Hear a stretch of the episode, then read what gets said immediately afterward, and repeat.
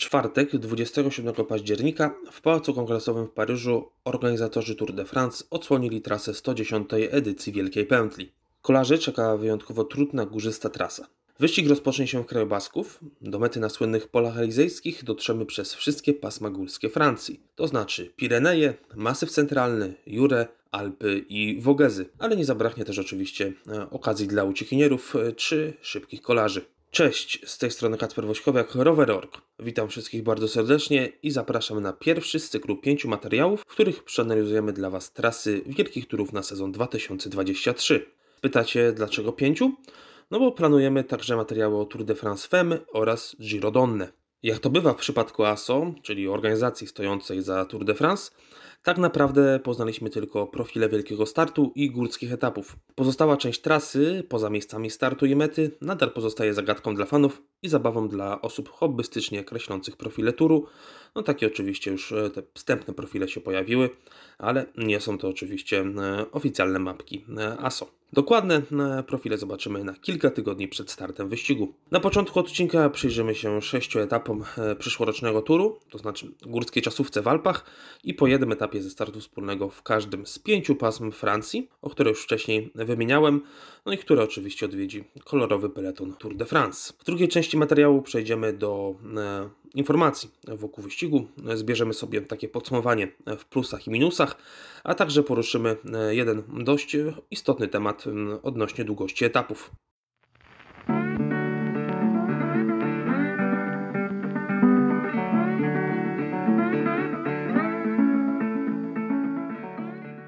A teraz przejdziemy do analizy sześciu etapów, które moim zdaniem rozstrzygną o losach Tour de France 2023. Zaczniemy od jazdy na czas, jedynej, którą na trasie turu zafundowali organizatorzy. Tylko 22 km. Według niektórych jest to abominacja, według innych no, trend tego nowego, współczesnego kolarstwa. Na dodatek będzie to górska czasówka, która rozpocznie się w Passy, a zakończy w Combloux. Po drodze zawodnicy zmierzą się z podjazdami Côte des Soudan, który nie jest skategoryzowany, a także Côte de Domancy, który liczy sobie 2,5 km i 9,4%. No i też sama końcówka, ostatnie 3,5 km także poprowadzam e, pod górę e, już do mety w Comblo. No to będzie jeden z kluczowych etapów, e, na których spodziewane są jakieś różnice między faworytami. No ale nie łudźmy się, że na 22 km e, i takiej trasie, takim profilu i takiej obsadzie e, te różnice będą jakieś e, wielkie, duże. No myślę, że tutaj na pewno niektórzy zawodnicy nadrobią. Mówię tu głównie o Tadeju Pogaczarze i Jonasie Winigo. Jeśli też pojedzie, to oczywiście Primoz Roglic w stosunku do tych co lepszych górali, ale to nie będą, nie będą wielkie różnice.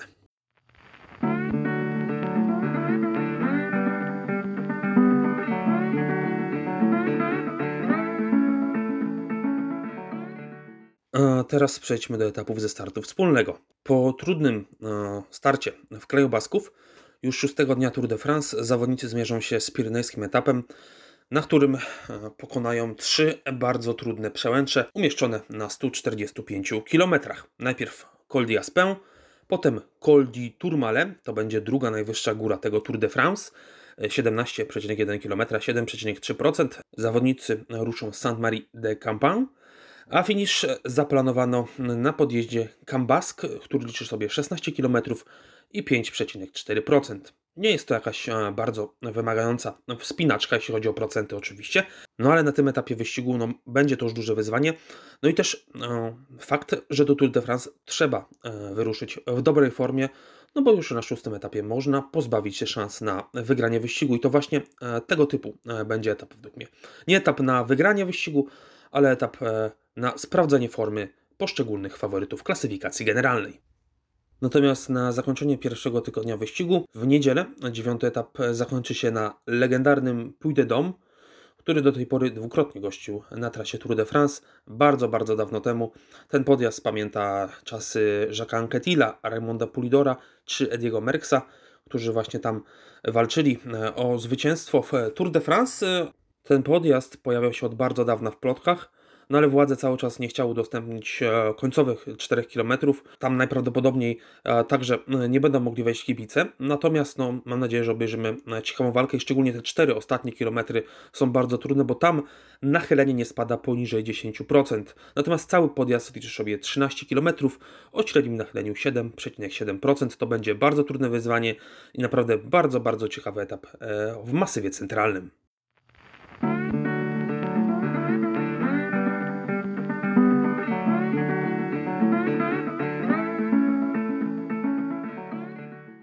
Jura przywita kolarzy Wielkim Gołębnikiem, czyli oczywiście podjazdem Grand Colombier, który liczy sobie 17 km o średnim nachyleniu 7%. Profil tego etapu jest nam jeszcze nieznany, podobnie jak w przypadku etapu zakończonego na Puy de Dôme, ale najprawdopodobniej należy się spodziewać odcinka Unipuerto, e, czyli tylko z jedną górą, e, górą na metę. I tak to najprawdopodobniej będzie wyglądać. Szkoda, bo można było tutaj dodać jeszcze dodatkowe trudności przed e, podjazdem Grand Colombier, no, które zwiększyłyby nam trochę rywalizację między zawodnikami, no i podmęczyłyby nogi tych faworytów, którzy tutaj staną w walce w szranki o żółtą koszulkę lidera Tour de France. A po górskiej czasówce, o której mówiliśmy wcześniej, Peloton Tour de France mierzy się z królewskim odcinkiem, który poprowadzi z Saint-Gervin Mont Blanc do Courchevel, znanego kurortu w Alpach. Po drodze e, zawodnicy zmierzą się z czterema podjazdami. E, są to Col de Saisses, Cormet de Roseland i Côte de Longefroid. Ale tym e, najtrudniejszym podjazdem będzie czwarta premia, dach wyścigu 2304 metry nad poziomem morza, czyli oczywiście Col de la Los, wyasfaltowany na Tour de France 2020, powróci po trzech latach. No to jest prawdziwy potwór, 28 km, 6%, bardzo długie wzniesienie. No i co najważniejsze, najtrudniejsze właśnie w samej końcówce, do tego króciutki zjazd i jeszcze e, podjazd e, króciutki do lotniska w Courchevel, no to będzie naprawdę e, potężny etap, ponad 5000 metrów przewyższenia i to wszystko na 166 km. No nie jest może jakoś długo, ale to będzie etap, który wejdzie w nogi zawodnikom. No i to będzie tak naprawdę praktycznie ostatnia szansa na zmienienie e, układu w klasyfikacji generalnej, bo potem czekają nas już tylko trzy etapy sprinterskie i jeden trudny etap, a jest to etap odrysowany niemal od ręki od konkursów e, Tour de France'owych, o czym już powiedziałem. E, etap e, w Wogezach, jedyny etap w Wogezach, który poprowadzi e, z Belfort do Le Markstein. Ta końcówka pojawiła się podczas tegorocznego Tour de France kobiet i zawodnicy obok takiego podjazdu jak Ballon d'Alsace zmierzą się w samej końcówce już z podjazdem Petit Ballon i Col du Placer Wassel. To będą krótsze podjazdy, to nie będą podjazdy, które przekraczają 10 km, no ale naprawdę no, o solidnym nachyleniu i tutaj będzie teren do tego, żeby zaatakować jeszcze z daleka i sięgnąć po zwycięstwo w Tour de France, bo potem czekają już tylko pola elizejskie, słynne pola elizejskie i sprinterski etap na zakończenie turu.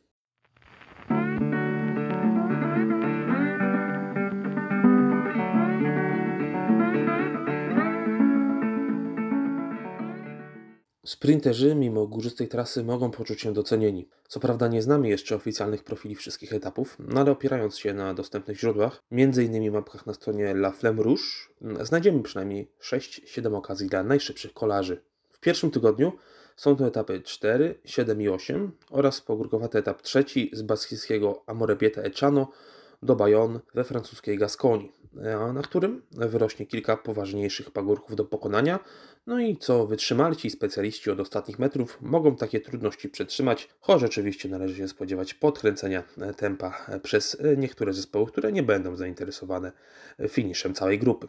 W drugim tygodniu sprinterzy dostaną tylko jeden etap, jedenasty z Clermont-Ferrand, które będzie centrum Tour de France Femme. Tam, stamtąd właśnie wystartuje wyścig do Moulins. Kolejne płaskie odcinki przyjdą dopiero po Alpach w trzecim tygodniu wyścigu. Etapy 18 i 19 są jednak pofałdowane, a zmęczony peleton może nie powstrzymać silnej ucieczki. Finał turu tradycyjnie ugoszczą słynne pola elizejskie w Paryżu, gdzie spodziewany jest e, finisz dużej grupy, no chyba, że Tadej Pogaczar znowu zaatakuje. Swój udział w Wielkiej Pętli potwierdzili już m.in. Caleb Ewan, Dylan Hrunewegen czy Biniam Girmay, liczący właśnie na drugą część wyścigu. Patrick Lefebvre myśli o zbudowaniu składu na tur wokół mistrza Europy e, Fabio Jakobsena, jeśli oczywiście Remco Evenepoel wybierze startu Giro d'Italia, no, gdzie może liczyć na więcej e, kilometrów jazdy na czas. Do Francji najprawdopodobniej zawita także najlepszy sprinter tegorocznej edycji e, wyścigu zwycięzca dwóch etapów e, Jasper Philipsen.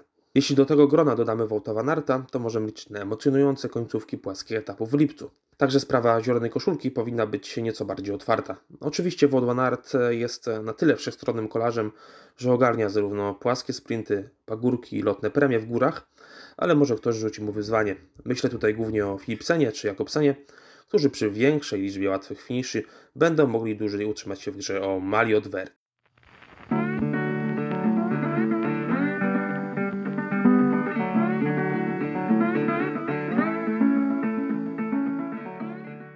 Z racji tego, że mamy dopiero końcówkę października, no co oczywiście nie znamy jeszcze obsady przyszłorocznego turu. Zaraz po prezentacji pojawiły się pierwsze komentarze od zawodników. Należy się spodziewać, że do Francji wybierze się dwójka głównych aktorów tegorocznego turu, czyli oczywiście zwycięzca Jonas Wingo i pokonany Tadej Pogaczar. Natomiast y, poza tym na razie wiemy o tym, że być może e, Simon Yates po pięciu latach na Giro d'Italia wreszcie obierze kierunek e, w stronę Tour de France, gdzie trasa będzie no, bardziej sprzyjająca jego umiejętnościom. Także bardzo pozytywne komentarze e, przyszły od e, strony Francuzów. Mowa tu oczywiście o Davidzie Godu czy Romanie Bardet, dla których ta trasa wydaje się idealna i ten mocz z nich, czyli Godu, bardzo chciałby zająć miejsce w czołowej trójce na Tour de France. Myślę, że przy takiej trasie jest to możliwe, choć oczywiście wszystko zależy od obsady i od tego, jak, e, z jaką formą przyjedzie Godu na Tour de France, bo w zeszłym roku pokazał się naprawdę z dobrej strony w górach. E, i myślę, że jeszcze e, ten młody Francuz może się poprawić. No I też właśnie dużo kibiców wskazywało na to, że ta trasa właśnie jest nakreślona jakby dla Godu. Po latach, e, gdzie trasa Turu była e, pisana jakby pod Romana Bardet czy Thibaut Pinot, teraz pojawił się ich, można powiedzieć, taki następca Dawid Godu, który e, też nie jest wybitnym specjalistą od jazdy na czas, tam zawsze traci, dlatego tych czasówek mamy troszeczkę mniej, no ale oczywiście to nie jest zawodnik jeszcze na takim poziomie, aby marzyć o wygranej w turze. Także pewno zadowolony będzie e, nasz kolega filozof, e, czyli Guillaume Martin, no, który bardzo często miewa dziwne komentarze, nie do końca trafione, komentarze, z którymi ja się absolutnie nie zgadzam, no ale przy takiej trasie także pewnie gdzieś tam pokręci się w walce o czołową dziesiątkę. No i oczywiście górzysta trasa zachęca do udziału wspinaczy e, z no, tych krajów hiszpańskojęzycznych. Nie wiemy na razie, co planuje Movistar i Enric Mas, natomiast wiemy, że e, Jonathan Waters e, razem z Richardem Carapazem, który przeszedł w tym roku właśnie z ekipy Ineos Grenadiers do AF Education Easy Post, no już najprawdopodobniej podjęli decyzję o tym, że mistrz olimpijski Carapaz wystartuje właśnie w Tour de France, no gdzie będzie miał więcej okazji dla siebie z racji tego, że mamy oczywiście e, mniej czasówek, a więcej gór. Także należy się spodziewać, że być może we Francji pojawi się Miguel Angel Lopez, który no, ostatnio e, mówiło się o jego odejściu za Stanem. Ostatecznie chyba tego odejścia nie będzie. No ale co najważniejsze, no to jest zawodnik, który wygrał przecież etap w 2020 roku na Col de la Los. No i teraz podejrzewam, że chciałby powtórzyć ten wyczyn, choć oczywiście etap zakończy się dopiero po jeszcze takim krótkim zjeździe i na chopce w Courchevel. Do tego kolarze z kraju Basków, gdzie rozpocznie się wyścig, myślę o Pejo Bilbao, Mikelu Landzie, braciach Izagire, więc to jasno no, e, klasyfikuje nam e, fakt, że na starcie e, przyszłorocznego turu w walce o generalkę najprawdopodobniej zawalczą mocni górale, no i oczywiście dwaj wielcy, czyli Jonas Winigo i Tadej Pogaczar, być może z dodatkiem Primorza Roglicia, który przy takiej trasie, przy przy tych górach też mógłby tutaj się fajnie pokazać, mógłby powalczyć o dobry wynik, no ale zobaczymy, gdzie starszy ze Słoweńców ostatecznie e, się pokaże.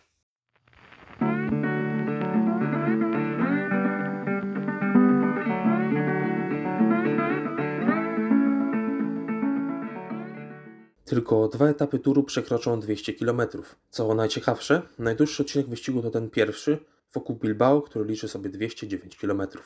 Kwestia ta no, porusza wielu kibiców, szczególnie tych starszej daty, pamiętających dawne czasy, kiedy etapy powyżej 200 km w wielkich turach były standardem.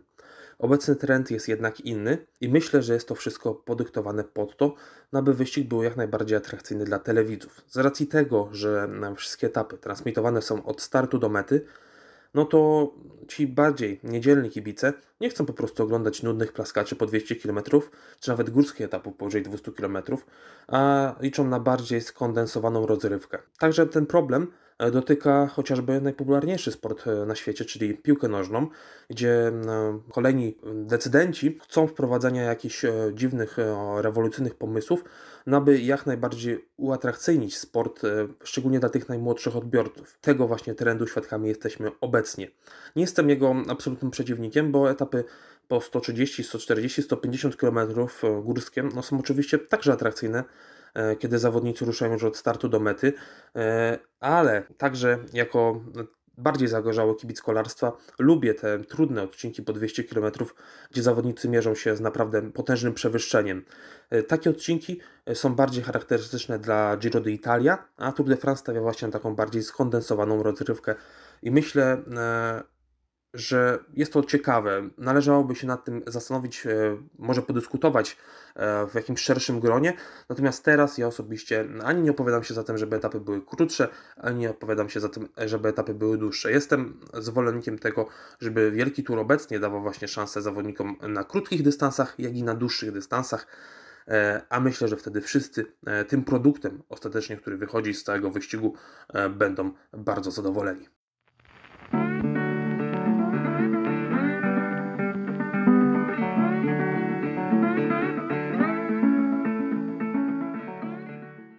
A teraz na zakończenie materiału przejdziemy do podsumowania trasy wyścigu.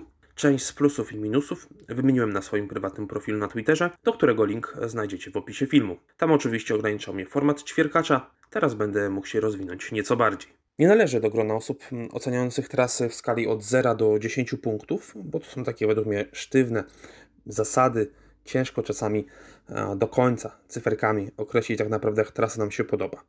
Wyścig mm, robią zawodnicy, a organizatorzy mają za zadanie nie utrudniać e, ich pracy i dać przestrzeń do fajnego ścigania.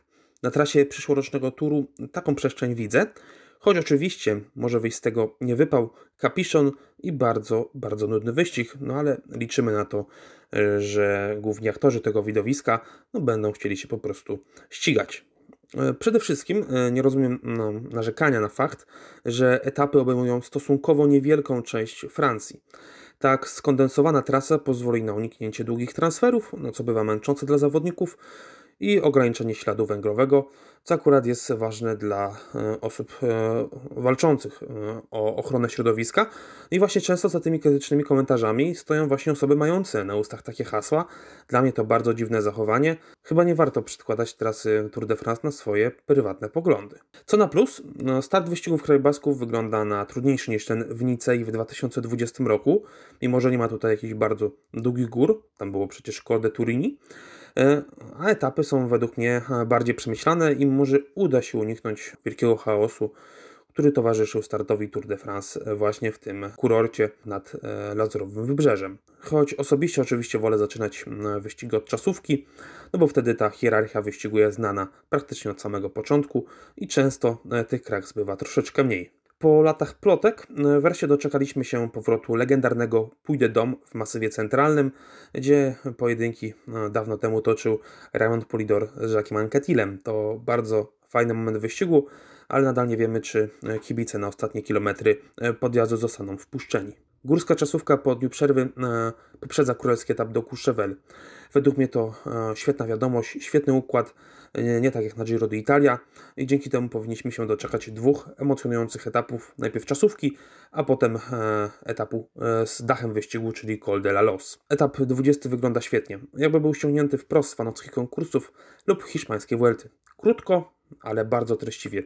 Lubię takie odcinki, bo jest tutaj przestrzeń do atakowania i przestrzeń do wykorzystywania taktycznie swoich zespołowych kolegów. No i dla osób oglądających tury do skoku, z pewnością plusem są górskie etapy weekendy. Na Giro akurat weekendy dominują czasówki. Co na minus? No trasa turu jest według mnie bardzo, bardzo monotonna. Brakuje płaskiej, drużynowej czasówki po wyjeździe z kraju Basków, no której bardzo głośno plotkowało się na kolarskich forach. Mówiło się, że to będzie próba nawet 40-50 km drużynowej jazdy na czas, co byłoby bardzo ciekawym, dawno niewidzianym na Tour de France elementem. No i też wpłynęłoby na pewno na rozwarstwienie peletonu, no, bo mamy, ewidentnie widać, że mamy peleton kilku prędkości, no i te lepsze ekipy na pewno bardzo, bardzo by e, na tym zyskały. A tak teraz możemy się spodziewać, że no, wśród bohaterów na Tour de France zobaczymy na przykład francuskich kolarzy w stylu e, Dawida Godu czy Romana Bardet. Choć nie znamy dokładnych profilów wszystkich etapów, no to według mnie brakuje konkretnego etapu po pagórkach w stylu e, girowego Murito. Zobaczymy, może taki etap się pojawi, no ale na to niestety nie liczę. No i na koniec fakt, że kolarze tylko dwa razy wjadą na ponad 2000 metrów nad poziomem morza na Col di Tourmalet i wspomnianym wcześniej Col de la Los. Tym akcentem dziękuję Wam bardzo serdecznie za uwagę. Mówił Kacper Wośkowiak, Rower.org. Jeśli ten materiał Wam się spodobał, no to zachęcam oczywiście do zostawienia nam subskrypcji i łapki w górę. Dzięki, cześć i do usłyszenia w kolejnych materiałach.